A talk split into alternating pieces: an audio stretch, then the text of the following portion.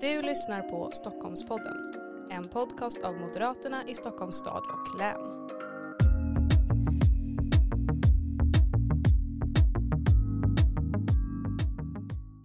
Hej och välkommen till veckans avsnitt av Stockholmpodden. Med mig idag har jag en riktig veteran hos Moderaterna, nämligen Gunnar Hökmark. Varmt välkommen hit.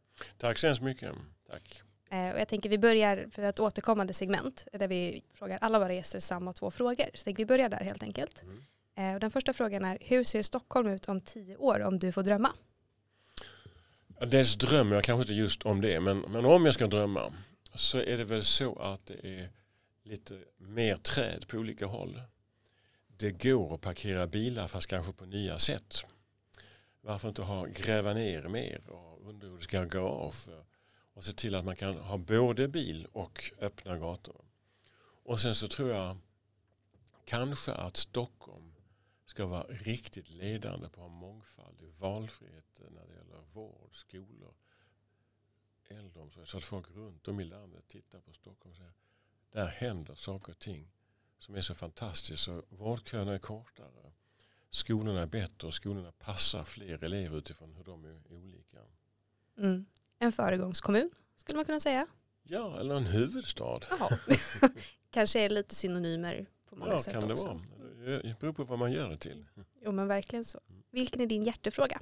Jag vet inte om jag har någon hjärtefråga så, men jag tycker ju det blir lätt schablonmässigt, men friheten för den enskilda människan. Jag är trött på alla som anser sig veta bättre hur människor ska ha det.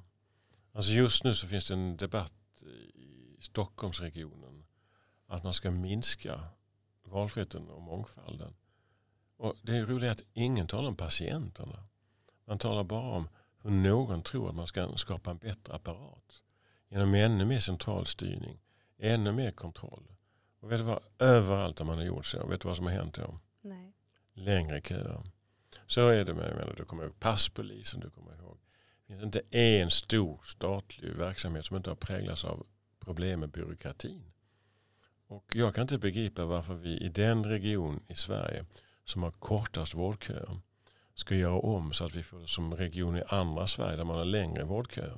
Mm.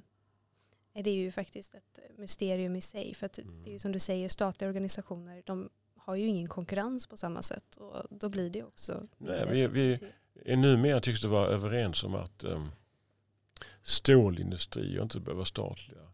Bilindustri inte behöver vara statliga. Även socialister har insett att planekonomin misslyckas där. Men tvunget vill de ta tag i sjukvården som är den mest dynamiska och utvecklande och som är så enormt individberoende. Både när det gäller vårdpersonal och när det gäller patienten. Mm. Jo, vi har ju kommit en bit exempelvis med Kry och liknande. Ehm, och Mm. det går ju bra och det är ju nästan som att man kanske inte klarar sig utan längre för man är så van vid att ha den tillgängligheten. Så det är konstigt att backa i den utvecklingen. Alltså. Kry är väldigt bra.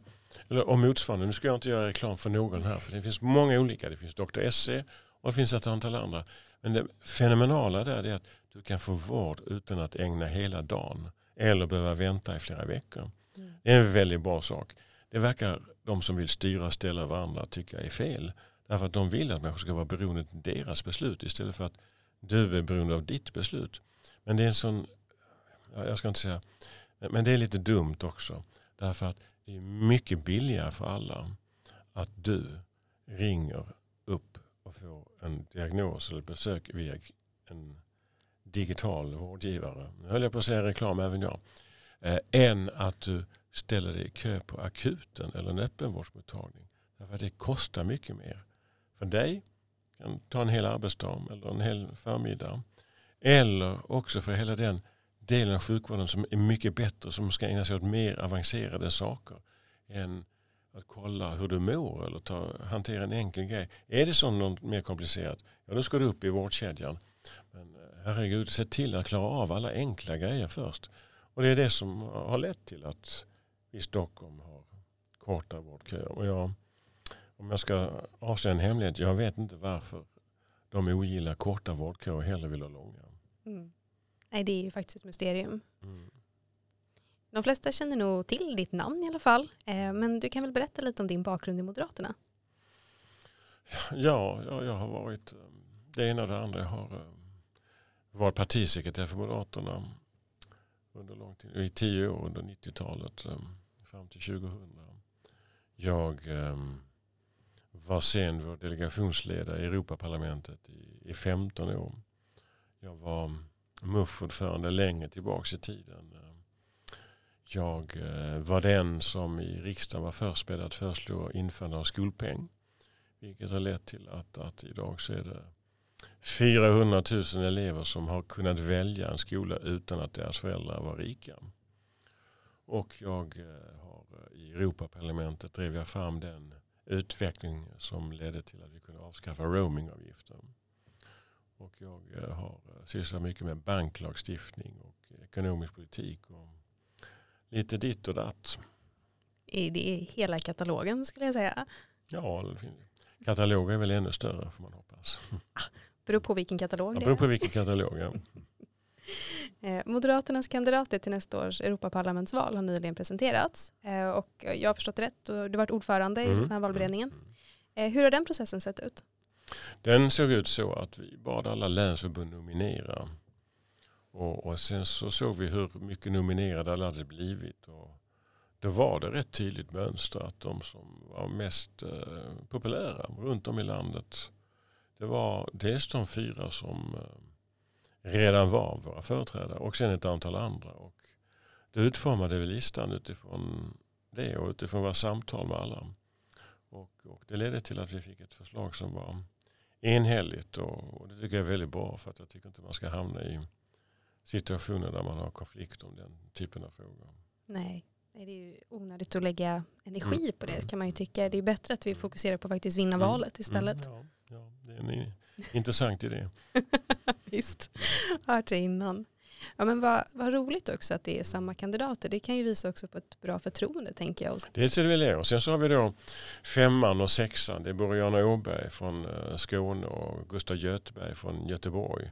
Så att vi har liksom ett antal andra ytterligare nya kandidater också. Som, som, eh, eh det vore bra om vi kunde se till att få fler mandat. Ja, jo, precis. Vi ska inte nöja oss med fyra. Nej, det ska man verkligen inte göra. borde vi ha. Ja, det finns 21 svenskar så att det finns ingen eh, anledning att hejda sig. Nej, nej, herregud. Vilket är det, eller vad är det viktigaste arbetet kommande mandatperioden? Jag tror det är väl två saker. Alltså det som måste EU ännu tydligare visa att man är en långvarig och stabil partner till Ukraina. Med ökat stöd men också med ett tydligt besked att Ukraina tillhör Europa. Det är så viktigt att Moskva fattar att de kommer inte trots alla sina krigsbrott och all sina förbrytelser så kommer de inte uppnå sitt mål. Och det, är en, det, är här inne, det, det, det är nästan en existentiell fråga för Europa och europeisk fred och säkerhet. Så det, det, skulle jag vilja säga, det är kanske den allra viktigaste uppgiften som saker och ting ser ut nu. I det ligger att påbörja en process där Ukraina stegvis kan bli medlem i Europeiska unionen. Eh, och eh, det som man kan, kan som jag kallar funktionell integration, det vill säga vi förhandlar och sen så öppnar man upp område efter område för faktiskt tillträde. Istället för som vi normalt har gjort, att man har förhandlat om allting och sen så när allting är klart, först då så kan man bli med. Men jag, jag, tror att vi måste se till att Ukraina kan komma med steg för steg inom olika områden. Och sen så får europeiska myndigheter hjälpa Ukraina att leva upp till de krav som man måste kunna leva upp till även när man är i krig. Mm. Ja men det är väl kanske rimligt. De här som vi har haft innan med processer för att bli mm. medlem i EU har ju kanske funkat då men nu är vi faktiskt i ett helt annat läge. Nu, nu är det ett land som är i krig och och det som Ryssland vill är ju att Ukraina inte ska komma med i EU. Mm. Och då ska man inte hjälpa Ryssland genom att säga att ett land som är i krig inte kan komma med i EU. Utan då måste vi i det här fallet säga att Ukraina hör hemma i Europa. Eh, och därför så ser vi redan nu till att klargöra att de hör hemma, kommer att integreras och ska bli en del av Europeiska unionen. Det är den ena viktiga frågan. Men en annan som är parallellt med detta är kanske inte lika akut eller dramatisk. Men för att kunna balansera den utmaning vi har globalt för att Europa ska ha en global geopolitisk kraft så måste vi få fart på ekonomin. Mm. Och, och, och, det heter egentligen marknadsekonomiska reformer uppifrån och ner. Se till att det blir lättare att etablera nya tjänsteföretag överallt. Se till att företag som Spotify och alla andra tjänsteföretag i Sverige eller i andra länder kan etablera sig och bedriva konkurrens och utvecklas. Därför att det är så vi får fram de nya globala ledande företagen. Och det är så vi också får en politisk kraft att hävda fri och rättigheter, demokratins ideal. Och det är så vi kan stå starka mot både Ryssland och Kina. Ja, jo men verkligen. Och som det ser ut just nu så ligger ju faktiskt Europa långsamt i många utvecklingar. Så det är ju väldigt otroligt viktigt att vi kommer ikapp. Mm, mm, mm. Annars så blir vi ju ingen part att räkna med. Vi måste vara ledande och vi måste kunna vara bra på att utveckla våra företag, vår ekonomiska kraft, vår tillväxt, investeringarna måste kunna ske. Vi måste vara en intressant handelspartner. Vi behöver vara ledande när det gäller eh, digitalisering och artificiell intelligens. Vi ska inte hålla på bromsa och låta kineser eller amerikaner leda den utvecklingen. Vi ska se till att så mycket som möjligt vara ledande. Mm. Hur ser du att Sverige och kanske framförallt Moderaterna ska arbeta i EU-parlamentet för just det här? Ja, du vet, det där är en fråga som jag, jag tycker är mycket enkel. Vi ska göra som vi brukar göra. Öppna upp för marknadsekonomiska reformer. Utgå från att det är den enskildes rätt vi ska värna. Rätten att färdas och röra sig fritt i Europa. Rätten att starta företag. Rätten att leva som man vill och som man kan i olika delar av Europeiska unionen. Jag, brukar säga, säg inte EU, säg Europeiska unionen. För då fattar vi att det är liksom en union. Alltså EU är inte Bryssel utan EU är, jag kan avslöja, där vi sitter här. För vi sitter just nu, jag ska inte avslöja var, vi sitter i Europeiska unionen. Eh, och, och du och jag är medborgare i Europeiska unionen.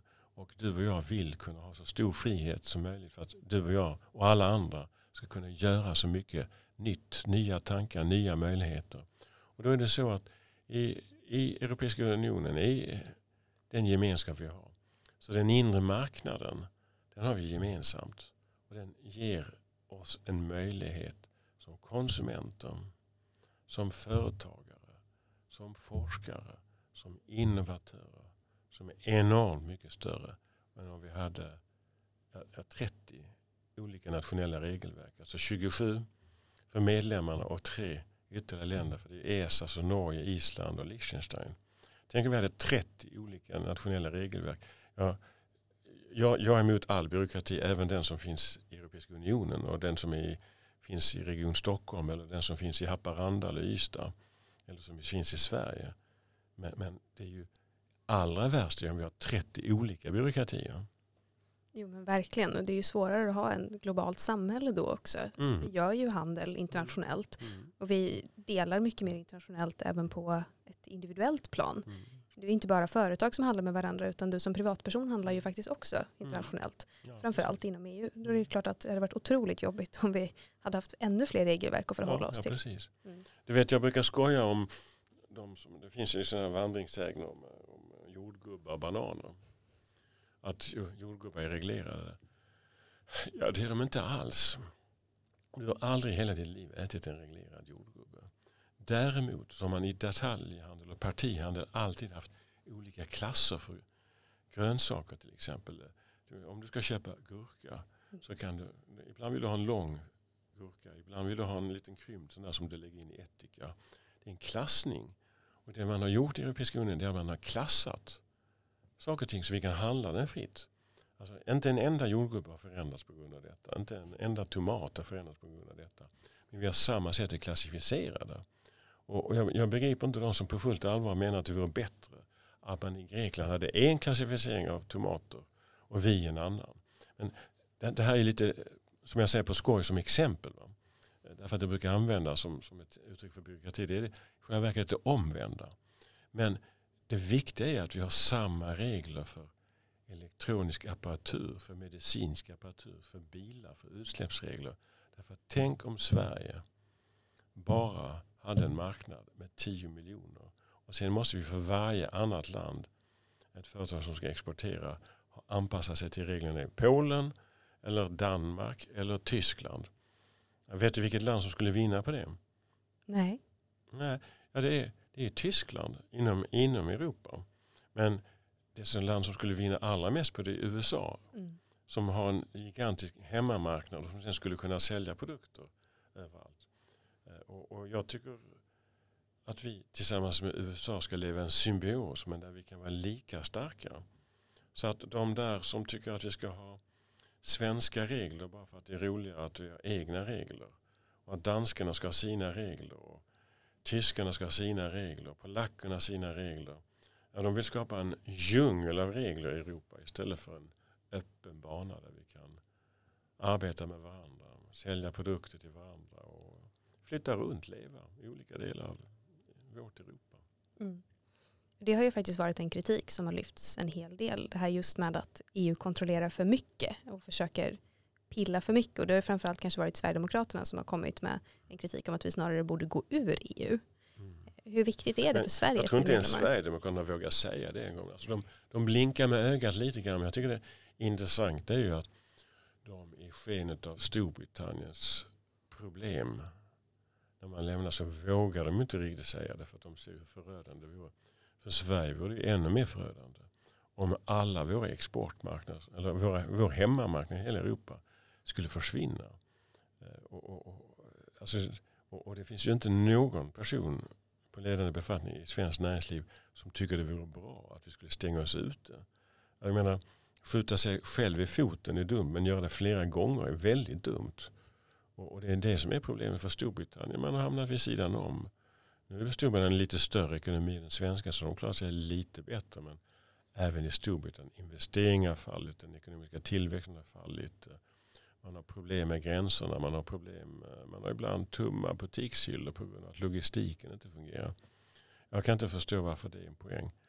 Och sen tvingas de ändå att anpassa sig om de ska sälja varor till Tyskland eller Sverige till de regler som vi har.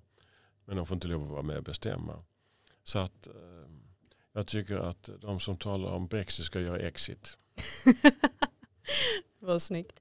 Ja men så är det ju också att i och med att du blir påverkad regelverken som det är. Mm. Så det är klart att det är bättre att du sitter med och faktiskt kan vara med och påverka. Och, och den stora skillnaden det är inte om vi reglerar saker det är utan det är egentligen där vi började när jag talar om friheten. Det finns alltid de politiker som vill reglera mer. Och det spelar egentligen ingen roll om de sitter i Region Stockholm och vill hindra människor att välja sjukvård.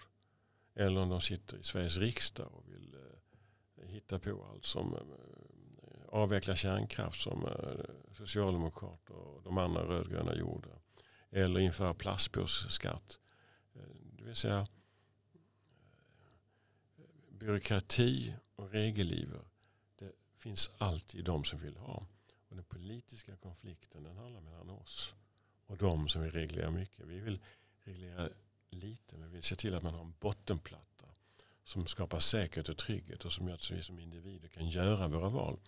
Och det av det enkla skälet att vi anser att människor kan göra sina val. Mm. Jag tänker vi ska gå över lite till Moderaternas valrörelse. Mm. Eh, vad är dina tankar kring kommande parlamentsvalrörelse?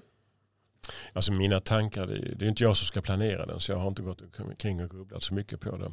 Men jag tycker det är mycket enkelt. Den stora skiljelinjen går ju här liksom i alla andra frågor mellan oss och Socialdemokraterna som, som vill reglera. Det är Socialdemokraterna som infört det och som själva tog initiativ till det som kallas det sociala protokollet och den sociala dimensionen som leder till att man nu i Europeiska unionen vill reglera sådana saker som arbetstid eller anställningsförhållanden som då Socialdemokraterna säger nej till.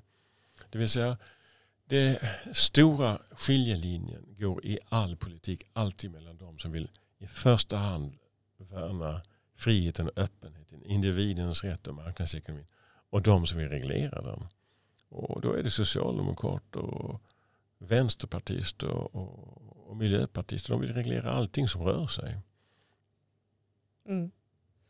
Jo, det är ju ganska klassisk moderat politik också. Att jobba för mer frihet och mindre byråkrati. Ja, ja jag tycker det. Och jobba för att företag ska kunna utvecklas. Jobba för att vi ska kunna välja. Att det är bra med konkurrens konkurrens är inte bara en tävling utan konkurrens är en öppenhet för det nya. Mm.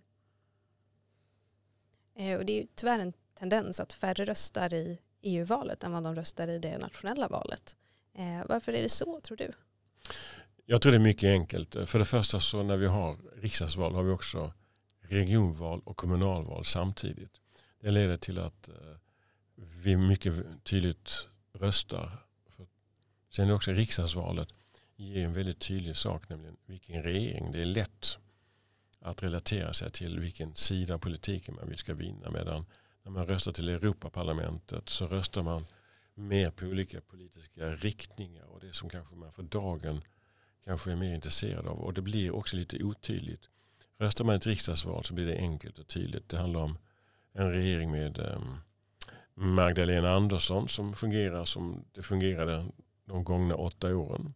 Och är man nöjd med den arbetslösheten, den fördjupade segregationen, avvecklade kärnkraften och växande kriminaliteten och de insatser som de gjorde med det. Så kan man ju rösta på dem igen. Och vill man pröva någonting annat så, så prövar man någonting annat. Och det var det som majoriteten, eller de flesta väljarna nu ville ha, någonting nytt. Mm. Så det blir ett tydligt vägval, man måste inte kunna varje enskild fråga. I Europaparlamentet så handlar det mer om massa olika sakfrågor. Det är lite lättare, eller lite svårare att se, för den enskilde väljaren att se tydligheten i det. Men å andra sidan, jag tror faktiskt att vi har mycket högre valdeltagande i Europaparlamentsvalet än om vi hade haft kommunalvalen, enskilda, eller regionvalen. Så jag tror faktiskt att det finns ett rätt stort intresse för Europavalen. Bara det att uh, riksdagsval är lite lättare för det gäller det blå laget eller det röda laget. Och, och för dig och mig och för mm. många andra så är det då rätt tydligt att rösta på det blå laget. Mm. Och andra röstar på det röda laget.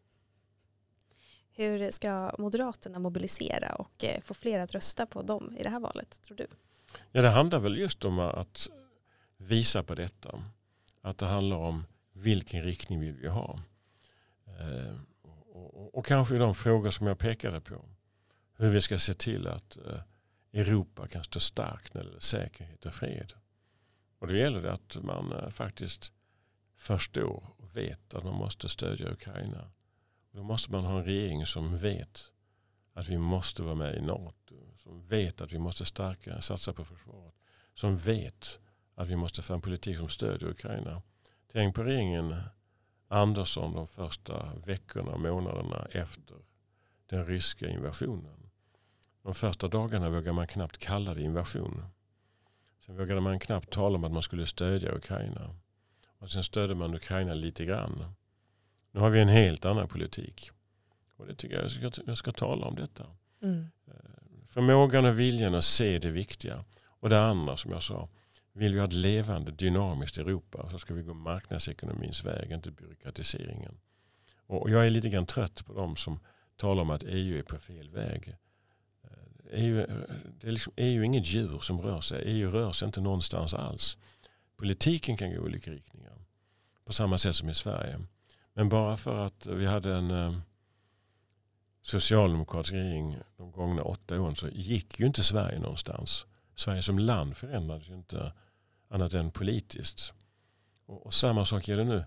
Vill man ha en politik som öppnar för frihandel, ser till att öppna för marknadsekonomiska reformer som ökar konkurrensen, etableringsfriheten för tjänster, som skärper människors frihet att röra sig men också att välja. Ja, då är det mycket enkelt. Då ska man inte, och jag upprepar inte, rösta på Vänsterpartiet. Man ska inte rösta på Miljöpartiet och man ska inte rösta på Socialdemokraterna. Vill man ha ett öppet Europa där man står i täten för att utveckla Europa, ja då ska man rösta på Badam, Moderaterna. ja, men hur mycket makt har en av våra parlamentariker i EU? Det beror väl på honom eller henne. Det vill säga det är ingen formell makt annat än när man röstar. Men den reella makten det är ju hur mycket man kan driva frågor, hur mycket man kan övertyga andra, hur man kan sätta agendan och vilka mål man själv har.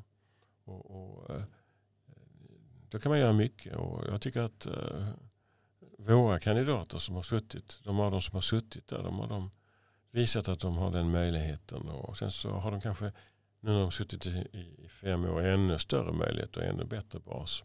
Så att uh, låt oss uh, som väljare och som deras uppdragsgivare vara tydliga med mandatet och sen så får de göra bästa möjliga jobb tillsammans med andra likasinnade. Det låter bra. Eh, och du har ju varit väldigt eh, engagerad i måndagsrörelsen. Mm. Eh, kan du berätta lite mer om det? Ja, det är en, eh, jag blev ombedd och startade därför att jag drev under eh, 1990 och 91 för numera länge sedan måndagsrörelsen till stöd för balterna. Jag tog initiativ till det den gången också. Och nu så blev det så att jag efter olika påstötningar tog initiativ till att vi skulle göra det även till stöd för Ukraina. Och det är fascinerande hur många som kommer, hur många som vill ge sitt stöd både genom att vara där men också ge sitt stöd mer konkret genom att bidra till insamling av pengar. Det finns så många organisationer som, som, som gör aktiva konkreta insatser i Ukraina. Och, och det är tydligt och intressant att se hur många som också vill att Sverige ska vara ledande när det gäller att stödja Ukraina. Och, eh, Sverige är det landet som har starka stöd bland befolkningen för Ukrainas sak. Och det tycker jag är mm. viktigt och det ska vi vara stolta över. Tror du att stödet är tack vare en del av måndagsrörelsen eller är måndagsrörelsen ursprunget genom stödet? Förstår du vad jag det menar? Kan väl, det kan väl vara både och. Ja. Det, det, genom måndagsrörelsen så är frågan om Ukraina på, på tapeten som det heter ständigt varje måndag. Politiker av olika slag, eh, statsråd, ministrar, journalister, eh, alla de som arbetar i det civila samhället är där och berättar. Så vi sätter liksom Ukraina och de många olika frågorna som hänger samman med stödet till Ukraina i fokus. Och, och vi ser också genom måndagsmöten att det finns ett starkt stöd. Och det i sin tur driver fler att förstå och veta och fascineras av det som man kan göra ändå på avstånd. Så att jag tror att eh, det ena påverkar det andra. Och oavsett så vill jag se till att vi påverkar så mycket som möjligt. Definitivt. Och det kan man ju också ha med en, hand, en grej här. Om man inte har någonting annat för sig måndagar klockan 12 mm. kan man ju ta sig till Norrmalmstorg Det är mycket lätt att komma ihåg. Måndag klockan 12. Ja. Och det kommer måndagar varje vecka. Det gör ju det. Det är imponerande. Mm. ja, jag känner att vi har kommit en bra bit på vägen. Det ska bli väldigt kul med en eh, valrörelse igen mm. och det ska bli intressant att prata Europafrågor. Mm. Eh, jag har inte varit med med EP-valrörelse innan personligen så att eh, jag är väldigt spänd. Mm. Men tack för väldigt bra inspel och tack så mycket för att du kom hit. Tack så mycket, det var trevligt att Ja, vi pratade här lite innan att du inte lyssnar så mycket på poddar. Men du, Den här kommer jag lyssna på. Ja, det får du gärna göra.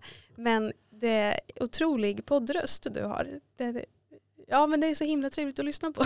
Alltså vad bra. Vad bra. Det, du borde göra fler, ja, tycker jag. Stort tack till dig som har lyssnat. Glöm inte att prenumerera på podden och sätta på notiser så att du inte missar när nästa avsnitt släpps. Om du vill komma i kontakt med oss så kan du mejla till oss på stockholmoderaterna.se eller skriva till oss på Instagram. Där heter vi Stockholmpodden. Ha en trevlig vecka. Hej då!